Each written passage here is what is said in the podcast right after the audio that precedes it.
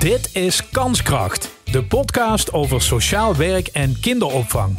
Een idee van MIC en PIW Groep. Ik ben Ruud Kleinen en vandaag praat ik met... Bas Leinders, pedagogisch medewerker in eh, Bunde. Toch blijf jij, eh, Bas, niet alleen in Bunde. Je bent aan een soort onderzoek bezig, hè? Ja, ik eh, ben inderdaad via, via verschillende wegen ben ik bij de innovatie werkplek terechtgekomen. En dan ben ik een onderzoek gaan doen. In eerste instantie was het onderzoek vooral gericht op het buitenspel. En dan vooral het groene buitenspel. Dus we hebben door de, door de organisatie heen hebben we verschillende natuurspeelplekken. En ik was heel nieuwsgierig hoe dat binnen de rest van de organisatie ingebed was. Want het gebeurt op verschillende plekken is het. Maar ik vroeg me af in hoeverre het op meerdere plekken was. En hoe dat helemaal geïntegreerd was in de organisatie. Ja, natuurlijk nog steeds een relatief nieuwe organisatie die je moet leren kennen. Maar hoe, hoe, hoe kom jij dan op die plek terecht? Waarom ben jij degene die dit gaat doen? Hoe is dat ontstaan? Nou, het, was een, bepaalde noodzaak, maar ook van een bepaalde passie en interesse in het groen en het buitenspelen, wat ik altijd heb gehad. En waar ik altijd zoeken in ben geweest en ook altijd wel mijn voorkeur naar uit geweest is. Ik heb, voordat ik nu bij MIC PW werkte, heb ik hiervoor ook bij toenmalig MIC gewerkt en heb ik op de groene BSO in Bemelen gewerkt. En dat was een BSO waar we eigenlijk alleen maar buiten waren. Zaten we tegen het buitengebied van Bemelen aan en gingen met de kinderen de bossen in, de bergen in, onderzoeken. Dus het heeft altijd me wel aangesproken. Ja, toch even dan die, die groene BSO. Dat is een tijd geleden? Ja, dat is uh, denk ik al... Uh, hoe lang is dat geleden? Ik denk een jaar of tien, schat tien. zoiets.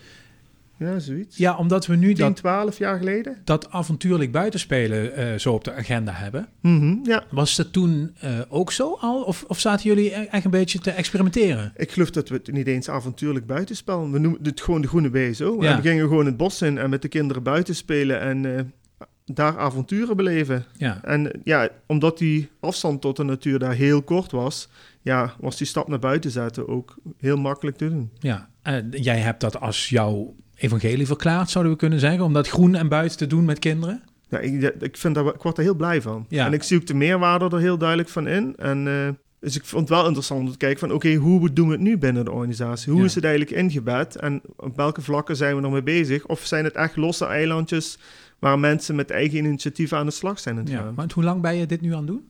Ik denk dat ik nu drie kwart jaar of zo aan het kijken ben geweest. Een half jaar. Nee, ik denk een half jaar zoiets is het geweest. Half jaar. Ja. En um, kom je dan een divers beeld tegen?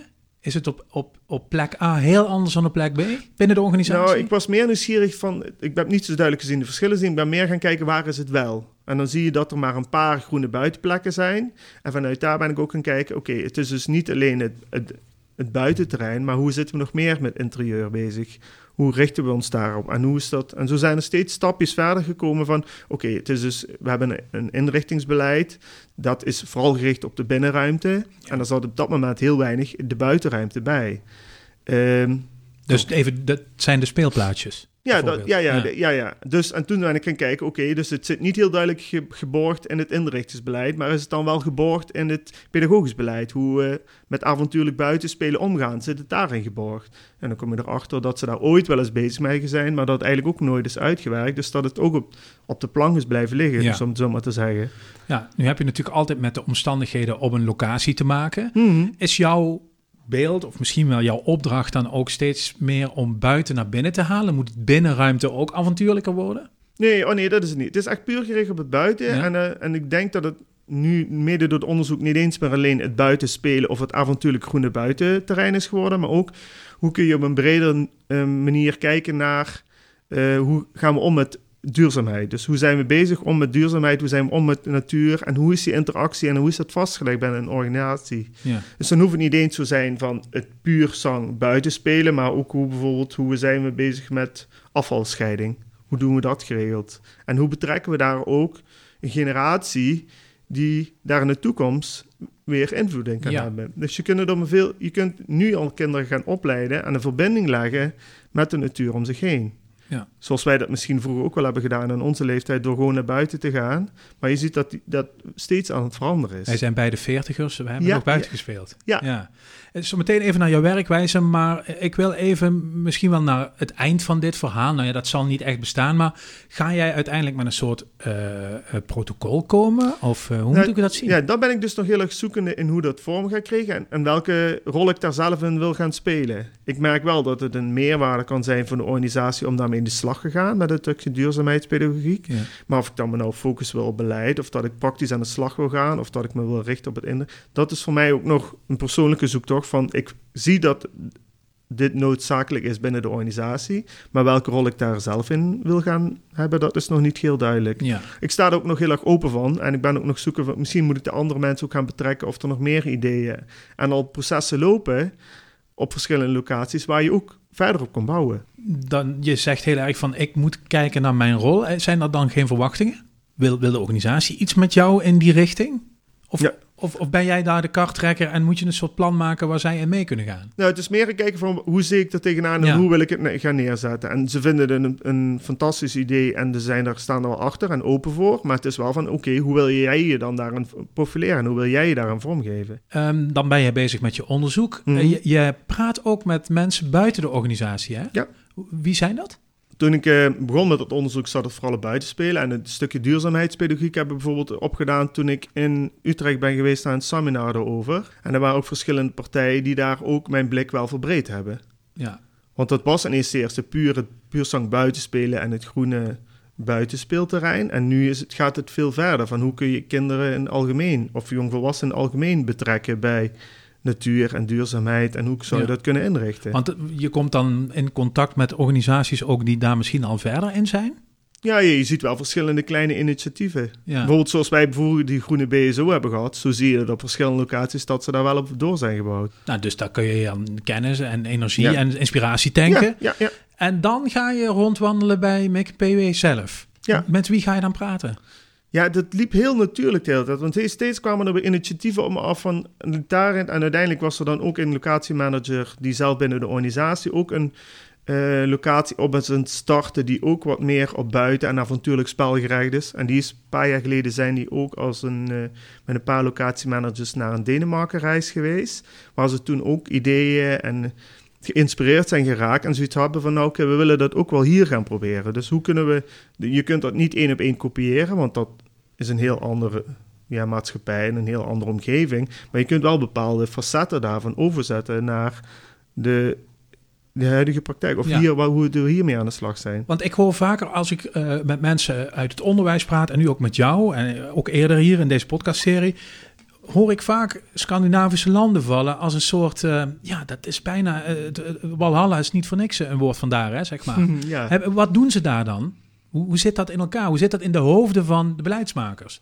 In Denemarken Nou, bijvoorbeeld. ik denk dat het niet eens in de hoofden van de beleidsmakers zit. Ik denk dat het gewoon in het algehele maatschappelijke eh, blik op kinderen en opvoeding is. Ja, Het is eh, hier hebben we een bepaald maatschappelijk beeld hoe we naar kinderen kijken. En er is daar net iets anders. want wat is het daar? Hoe, hoe is jouw inschatting daarvan? Analyse? Jij, als ik het heel makkelijk en droog zou kunnen on- onderstrepen, is het meer, ze kijken meer naar het vaardige kind. Dus geven kinderen meer de kans om dingen zelf te gaan ontdekken en ontplooien. Het is minder bangig dus. Mm. Ja, of gaan meer uit van de kracht van het kind. Ja, En ja, ik kan me nog heel goed herinneren dat ik ooit een keer op studiereis was en dat ze daar dan over hadden over de inrichting van het buitenterrein. En dan eh, zie je daar overal grond en kinderen zijn overal op een klimmen. Er zat een kind van een paar, vijf of zes, zat boven een boom op vier, vijf meter. Dat kun je hier bijna niet voorstellen. En daar waren ze heel ontspannen over, want gingen ze eigenlijk, ja, als je die boom in kan klimmen, kan die er ook wel weer uitkomen. ja. En alles boven de 60 centimeter wat, waar ze op konden klimmen, moest er omheen grond liggen. Dat als ze er dan afvielen, dat ze dan een beetje Vering. ja, vering hebben. En Ja. voor de rest, ja, kinderen helemaal onder de modder. Foto's Ja. dat ik daar zag aan de wand hangen, dat je twee van die mannetjes zag waar je nog net twee oogjes van zag en de rest was alles modder. Het zijn natuurlijk ook wel de, de uiterste gevallen die je daar hebt. Want ik ben nou zelf ook naar Denemarken geweest om daar eens te gaan kijken bij een, eh, een, een kinderdagverblijf. Eh, en die was ook wat aan de buitenste rand van wat voor Denemarken normaal is. Maar je ziet dat ze daar gewoon ja, kinderen gewoon meer laten. Als hier een kind buiten gaat spelen, dan als ze achter het gebouw zijn, is er altijd iemand bij. En daar liep er, liepen kinderen en die zijn vier, vijf. Die liepen gewoon achter het gebouw in een eentje. Terwijl de hekjes open waren en ze zo de horde op konden in feite. Maar wat, jij staat daarna te kijken in Denemarken. Wat, wat gebeurt er dan in jou? Ja, ook wel een bepaalde verwondering hoor. Maar ik heb door de tijd, ook wel door ervaringen en door ook wel mijn eigen opleiding en ervaring die ik heb gehad daarin, sta ik ook wel wat meer in kijken naar dat vaardige kind. Maar ik sta er ook wel van te kijken hoor. Ze zitten gewoon voor je neus fikje te stoken en stokjes erin te steken en zoiets allemaal. Ja, En dat kan daar, maar hier zou je dat met kinderen of 7, 8 doen en daar zijn ze 4, 5. Dus het is een heel andere perspectief van dingen af en springen waar je van denkt, oh, als ik hier mijn collega dat zou zien, die zou helemaal, eh, op tilt gaan. ja, Ja. Nu heb je mij een notitie gestuurd eh, met de titel daarboven Het Scharrelkind. Ja. Zijn dat scharrelkinderen die je daar hebt gezien? Ja, die waren wel alleen maar buiten. Want ik, mijn interpretatie van die titel is een beetje dat, toch? Scharrel maar wat rond op, die, eh, op dat terrein. Ja, en ervaar zelf maar. Het is ehm, wat je ook heel veel ziet in buitenterrein en binnenterrein. En nu is het als heel erg, ik wil niet voorgeprogrammeerd, maar elk stukje speelgoed heeft ook een bepaald doel. En Ja. wat je daar, als je een buitengebied ziet, ja, een nootje kun je een poppetje mee maken, maar je kunt hem ook laten rollen en je kunt ermee gooien, je kunt hem planten. Dus een- je kunt je eigen fantasie nog een deel kwijt in materiaal dat er is. Ja, dus, dus los van de, de lichamelijke component, zou ik maar zeggen, wordt de creativiteit enorm geprikkeld. Mhm. Ja. Ja. het intellect wordt in die zin ook heel erg geprikkeld. Ja. Ja. Ze zijn natuurlijk helemaal buiten, dus het is ook nog enorm goed voor de weerstand. Ze zijn meestal fanatiek en fysiek bezig, dus qua conditie zit het ook wel goed. Heel veel onderzoeken geven ook dat groen een heel ontspannend effect op je heeft, dus ze zullen weinig stress ervaren. Ja, maar het voordeel van Denemarken is, er is ook veel meer plek. Ja, toch zie ik jou daarover praten en je ogen twinkelen. Dan kom je helemaal verlicht bijna terug naar Nederland. Ja. En eigenlijk moet je dat verhaal dan hier gaan vertellen en mensen meekrijgen, toch? Ja, Lukt dat? Eh, ja, maar ben ik nog wel zoeken hoe je het gaat verkopen. En dat vind ik wel interessant, bijvoorbeeld door deze podcast op te nemen en door bijvoorbeeld een eh, locatiemanagers te spreken, of een directeur te spreken, of een beleidsmaker te spreken. En te kijken hoe hun daar ook in staan en hoe ze daar eh, toch ook geïnspireerd door raken, of hoe ze ermee bezig zijn, over ze nadenken. Ja. Ook collega's. Maar ik werk bijvoorbeeld in Bund op de BSO, daar zie je dat we heel veel buiten zijn. En dan zie je heel veel dingen hier ook van terugkomen. Dan slepen ze met stokken. Dat Maar daar heb jij het in je handen. Hè? Dit is Ja. een grote organisatie. Dat lukt je natuurlijk niet overal. Je, je komt dus iemand Nee, tegen en, en- en- dan moet het dus het verhaal komen. Ja, en dat is nu ook de zoektocht. Hoe kun je dit gaan vertalen? En hoe kun je zorgen dat mensen eh, door kleine stapjes te gaan nemen, geïnspireerd raken en daarop gaan voortbouwen? Ja. Want het hoeft niet morgen dat meteen alle kinderen in de modder buiten zitten te rollen. Maar het is wel eens leuk als ze bijvoorbeeld in plaats van eh, alleen maar tegels, een paar tegels eruit halen en een boom erin hebben of zoiets. Ja, dus, dus eigenlijk klopt het plaatje in jouw hoofd. Mhm. We zoeken de, de, de, de verkooptruc. Nou, de, de verkooptruc is denk ik ook wel gelukt. Nou, nog echt het implementeren. Hoe kun je er praktisch mee aan de slag gaan? Ja. Dus hoe kun je echt zeggen van, van het is een, een soort van visie of idee op hoe je naar ontwikkeling en omgeving kijkt. En hoe kun je dat tot, praktisch, tot het praktische gedeelte brengen. ja. Dus hoe kun je daar kunnen zeggen dat mensen zeggen, oh ja, hier kan ik bij aansluiten. Of daar heb ik wat mee. Of, en welke invulling ik daarin ga krijgen. Of ik werkelijk naar locatie ga za- en zeggen, nou, je kan dit en dit doen. Of dat ik meer mensen ga inspireren op een andere manier. Daar ben ik zelf ook nog naar het zoeken wat mijn plek erin is. Ja. Maar ik vond dit wel heel erg leuk om te gaan onderzoeken. Maar als jij dan, de, de- laat ik jou even dopen tot de Jezus van eh, het scharrelkindprincipe Mhm. binnen deze organisatie. Ja. Heb je al apostelen weten te verzamelen om je heen? Want dat is natuurlijk wel nodig. Nou, ik heb een paar jaar geleden bijvoorbeeld met eh Metske, die ik ook in dit onderzoek heb gesproken, en met Michael de Versikov heb ik bijvoorbeeld uh, zou doorgedaan. Ja, dat was ook heel erg leuk. En dat is ook een soort van inspiratiesessie, waar mensen contact konden krijgen hoe ze op een andere manier met natuur konden gaan. Dus er zijn wel meer mensen die ermee bezig zijn. En de mensen die ik gesproken heb, door dit project heen, die zijn er ook wel geïnteresseerd. Maar of dat dan echt apostelen zijn, ik denk alleen dat ze zich wel daar eh, in kunnen vinden en daar de meerwaarde van kunnen zien. Nou ja, ik bedoel daarmee, eh dan moet eh, Jezus en zijn apostelen, die hadden natuurlijk eh, eh, heel veel geloof vooral in één zaak. En met z'n allen die neuzen dezelfde kant op. Dan moet dit natuurlijk ook uit voort gaan komen. Ja, het zou leuk zijn als het een soort van olievlek is die steeds meer gaat Ja. uitwaaien. Ja. En ja, dat zal wel nu beginnen. Je begint, je begint het langzaam te zien, maar je ziet het ook in het maatschappelijke beeld dat mensen een, een bepaalde focus hebben op die natuurbeleving of dat het natuur belangrijk is en klimaat en stikstof en Dus mensen zijn er ook mee bezig. Dus dan kun je ook dat gaan ehm, toepassen of integreren in je, in je organisatie. Ja. Want het leeft ook. Er is nou weer zo'n competitie tegelwippen.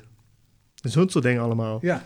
Ja, dan komt, komt er geloof ik op de plek van een stoeptegel komt eigenlijk een tuintje, hè? Zo Ja, nou, er wordt iets van Ja. een stoeptegel uitgehaald en er wordt iets van groen of modder teruggebracht. Ja, Wat allemaal positieve effecten heeft op verschillende vlakken. Maar het is wel leuk te zien omdat er zo'n grote schaal verschillende dingen worden georganiseerd. ja, dan zie je op, op symbolische wijze wat je al kan Ja, veranderen met ja ik geloof dat het nou. Maastricht nou ook weer zo'n competitie is begonnen. Ja. Dus om te kijken zoveel mogelijk stoeptegels eruit te krijgen in vergelijking met de rest van het land. Wat heb jij nog nodig van deze organisatie om, om dit goed voor het voetlicht te brengen? Nou, ik zou het heel leuk vinden om te kijken welke mensen nog meer, of welke ideeën er nog meer leven binnen de organisatie. Eh, wie dus die nog- uitwisseling die moet wat omhoog. Ja, ja. Ja, je hoeft het natuurlijk niet allemaal zelf te verzinnen. Nee, gelukkig niet. Maar, en dat hoeft ook niet, maar ik denk dat er op verschillende plekken ook verschillende ideeën tot stand kunnen komen. Wat wij in Bunde doen, hoeft niet exact, exact gekopieerd worden naar een zuster bijvoorbeeld. Want hetzelfde is ook, je kunt ook niet dit concept zoals je het in Denemarken hebt, exact kopiëren naar Nederland toe. Nee. Maar je kunt wel overal je inspiratie uithalen en van elkaar leren en daarin groeien. Staat hier ergens eh, aan de einder eh, voor jou een streep van dan wil ik een resultaat hebben? Of werkt het zo niet? Nee, ik denk dat het gewoon blijft groeien. Het, het, het, is niet, het hoeft niet een einddoel te zijn. Het is wel leuk om te zien dat het zich ontwikkelt en dat steeds meer mensen ermee bezig zijn. Maar heb jij het nodig voor je, misschien je eigen motivatie? Om... Nee, ik zou het leuk vinden als je, dat er dadelijk iets meer in het beleid zou worden opgenomen hoe we hiermee omgaan. Dat zou ik interessant vinden, want dan wordt het dus algemeen goed binnen een organisatie. En wat betekent dat nog voor jou om dat op dat niveau te krijgen? Wat moet je daar nog voor doen? Ehm, nog wat afspraken maken, want ik zou nog bepaalde mensen, bijvoorbeeld met mensen van het beleid, erover gaan praten om te kijken hoe we daar vorm aan zouden kunnen geven. Ja. Dus ja, het is nog steeds in, in beweging. Dat zijn op zich ook wel de plekken om jouw verkooppraatje dan te testen. Ja. Want als dat goed is, dan eh, krijg je ergens een klap op. Ja, en als ik dat kan doen, dan kan ik ook misschien met andere mensen en die ook wel weten hoe je andere processen in gang kunt zetten, zodat je het op een praktische manier ook bij de verschillende ehm BSO's, KDV's en andere onderdelen van de Ja. organisatie gaat krijgen. Pas is dit ook nog een geldkwestie ergens? Of, of zit dat niet zo? Oh, ja, met geld? heb- Nee. Denk jij niet over na? Nee, Dat is wel lekker, hè? ja. Ja, misschien wel, maar... Nou ja, Ja, als je dit hebt over eh, herinrichten van, eh, weet ik veel, speelplaatsen, kan me dat wel voorstellen dat wat kost. Maar Ja, ja, dat weet ik, want dat hebben ze bij ons ook gedaan. Dus Ja. het is niet goedkoop. Ehm, maar het, het hoeft niet heel groot te zijn. Hè. Je kunt ook gewoon, wat je bijvoorbeeld ook zegt, je kunt ook met duurzaamheid bezig zijn door in plaats van het glas eh, zelf naar de glasbak te brengen, met een groepje kinderen naar de glasbak gaan om het glas weg te gooien. ja. Het is een, hetzelfde resultaat, maar je bent op een hele andere manier met daarmee bezig. En je laat ook een hele andere manier zien aan de volgende generatie hoe ze ermee kunnen omgaan. Voel jij je ook wel eens roepende in de woestijn? Ehm, een mooie vraag. Ehm, Nou ja, omdat ik, Ik, denk... vind het soms wel leuk om bepaalde dingen te- eh, neer te leggen. Om dat wel te, te weer te geven dat die mogelijkheid er ook in is. Zo'n En dan- proefballonnen idee. of gewoon het voorbeeld te geven van op een andere manier aan de slag te mee te gaan. Je kunt ook met de auto naar werken, je kunt ook met de fiets komen. Ja, nou, omdat ik denk, er zijn natuurlijk collega's van jou die eh, doen hun werk vol overgave, die zijn daar hartstikke druk mee. Ja, dan is anders gaan denken natuurlijk al een opdracht. Want dat moet je uiteindelijk doen. Ja, maar ik denk dat het ook wel de tijdgeest is dat mensen daar steeds meer naartoe gaan op een andere manier ermee bezig zijn. En je krijgt natuurlijk ook steeds meer nieuwe collega's die ook op een andere manier gaan denken. En het is, eh, ja, je werkt ook met eh jonge kinderen en in, in pedagogiekland verandert er altijd wel weer iets. Dus het is ook continu een ontwikkeling. Als je ook kijkt hoe we naar het onderwijs zijn, dan kijken daar is ook ontwikkeling. Dus ja, ja dat komt vanzelf wel, denk ik. Je moet gewoon denk ik tijd hebben. En ja, het maakt niet uit of dat nou volgende week is of over een maand gebeurt. Het, het rolt wel rustig verder. Je had het over eh, Bemelen hè, in het begin, Ja. waar jij gewerkt hebt. Mhm. Tien jaar geleden, twaalf Mhm, jaar geleden. ja. Kun je zeggen dat binnen afzienbare tijd deze hele organisatie dat niveau van toen in Bemelen tien jaar geleden is overstegen? Ik denk dat het ook heel erg puur is gericht op wat mensen zelf winnen. Want ik vind het leuk om met kinderen naar buiten te gaan. Maar misschien vindt iemand anders wel heel, op een hele andere manier leuk om met kinderen bezig te zijn binnen de organisatie. Dus het moet ook een bepaalde passie zijn. En of dat op, niveau, op dat niveau hoeft, dat hoeft niet. Maar er zullen wel, ik zou het leuk vinden als er meer van zo'n plekken komen. Waar ouders en kinderen, maar ook pedagogisch medewerkers een keuze kunnen maken van oké, dat ligt mij dicht aan het hart, daar wil ik naartoe gaan. Of Ja. dat vind ik leuk om te gaan doen. Zijn er collega's die dit luisteren, die jou misschien nog niet zo goed kennen of niet kennen. Mhm. Heb je een oproep? Moeten ze je bellen? Wat, wat wil je van ze? Als ze ideeën hebben. Nou, ze mogen altijd mailen, want ik heb gewoon een, eh, een, een werkmail, dus daar kunnen ze altijd op contact nemen. En ja, dan kunnen we altijd kijken wat er uit ontstaan. Want ik vind het wel leuk om te kijken wat er nog meer leeft en hoe mensen hierop reageren en of zelf al mee bezig zijn. Of misschien denken, juist, daar moeten we verder mee. En ik heb wel wel meer ideeën hoe we dat zouden kunnen vormgeven. Ja. Ik hoef niet alleen daarvoor aan te staan. Het is wel prettig om dat met iemand samen te kunnen doen. Ja, het past eh, compleet in die hele innovatiewerkplaats dit. Hè? Loop maar binnen, wissel uit en eh, we gaan eh, vooruit. Ja. Vol goede moed. Ja, het is wel leuk om te zien hoe zo zich ont- dingen ontwikkelen binnen een organisatie. En zeker omdat we zo groot zijn. Er zijn fantastische ideeën bij een organisatie. Je moet dus alleen ook bij elkaar zien te krijgen. Pas als je een aantal ideeën hebt, of mensen met ideeën, breng ze de volgende keer mee. Hè? Ja. Gaan we dat eens even aanhoren. Podcast 2.0. Jazeker. Ja, Dankjewel. nou, heel erg bedankt. Dit was Kanskracht, de podcast over sociaal werk en kinderopvang. Een idee van MIC en PIW Groep. Reageren en jezelf aanmelden als gast? Dat kan. Je vindt een contactformulier in de show notes. Vergeet Kanskracht niet te volgen in je podcast-app en als je daar toch bent, geef een recensie.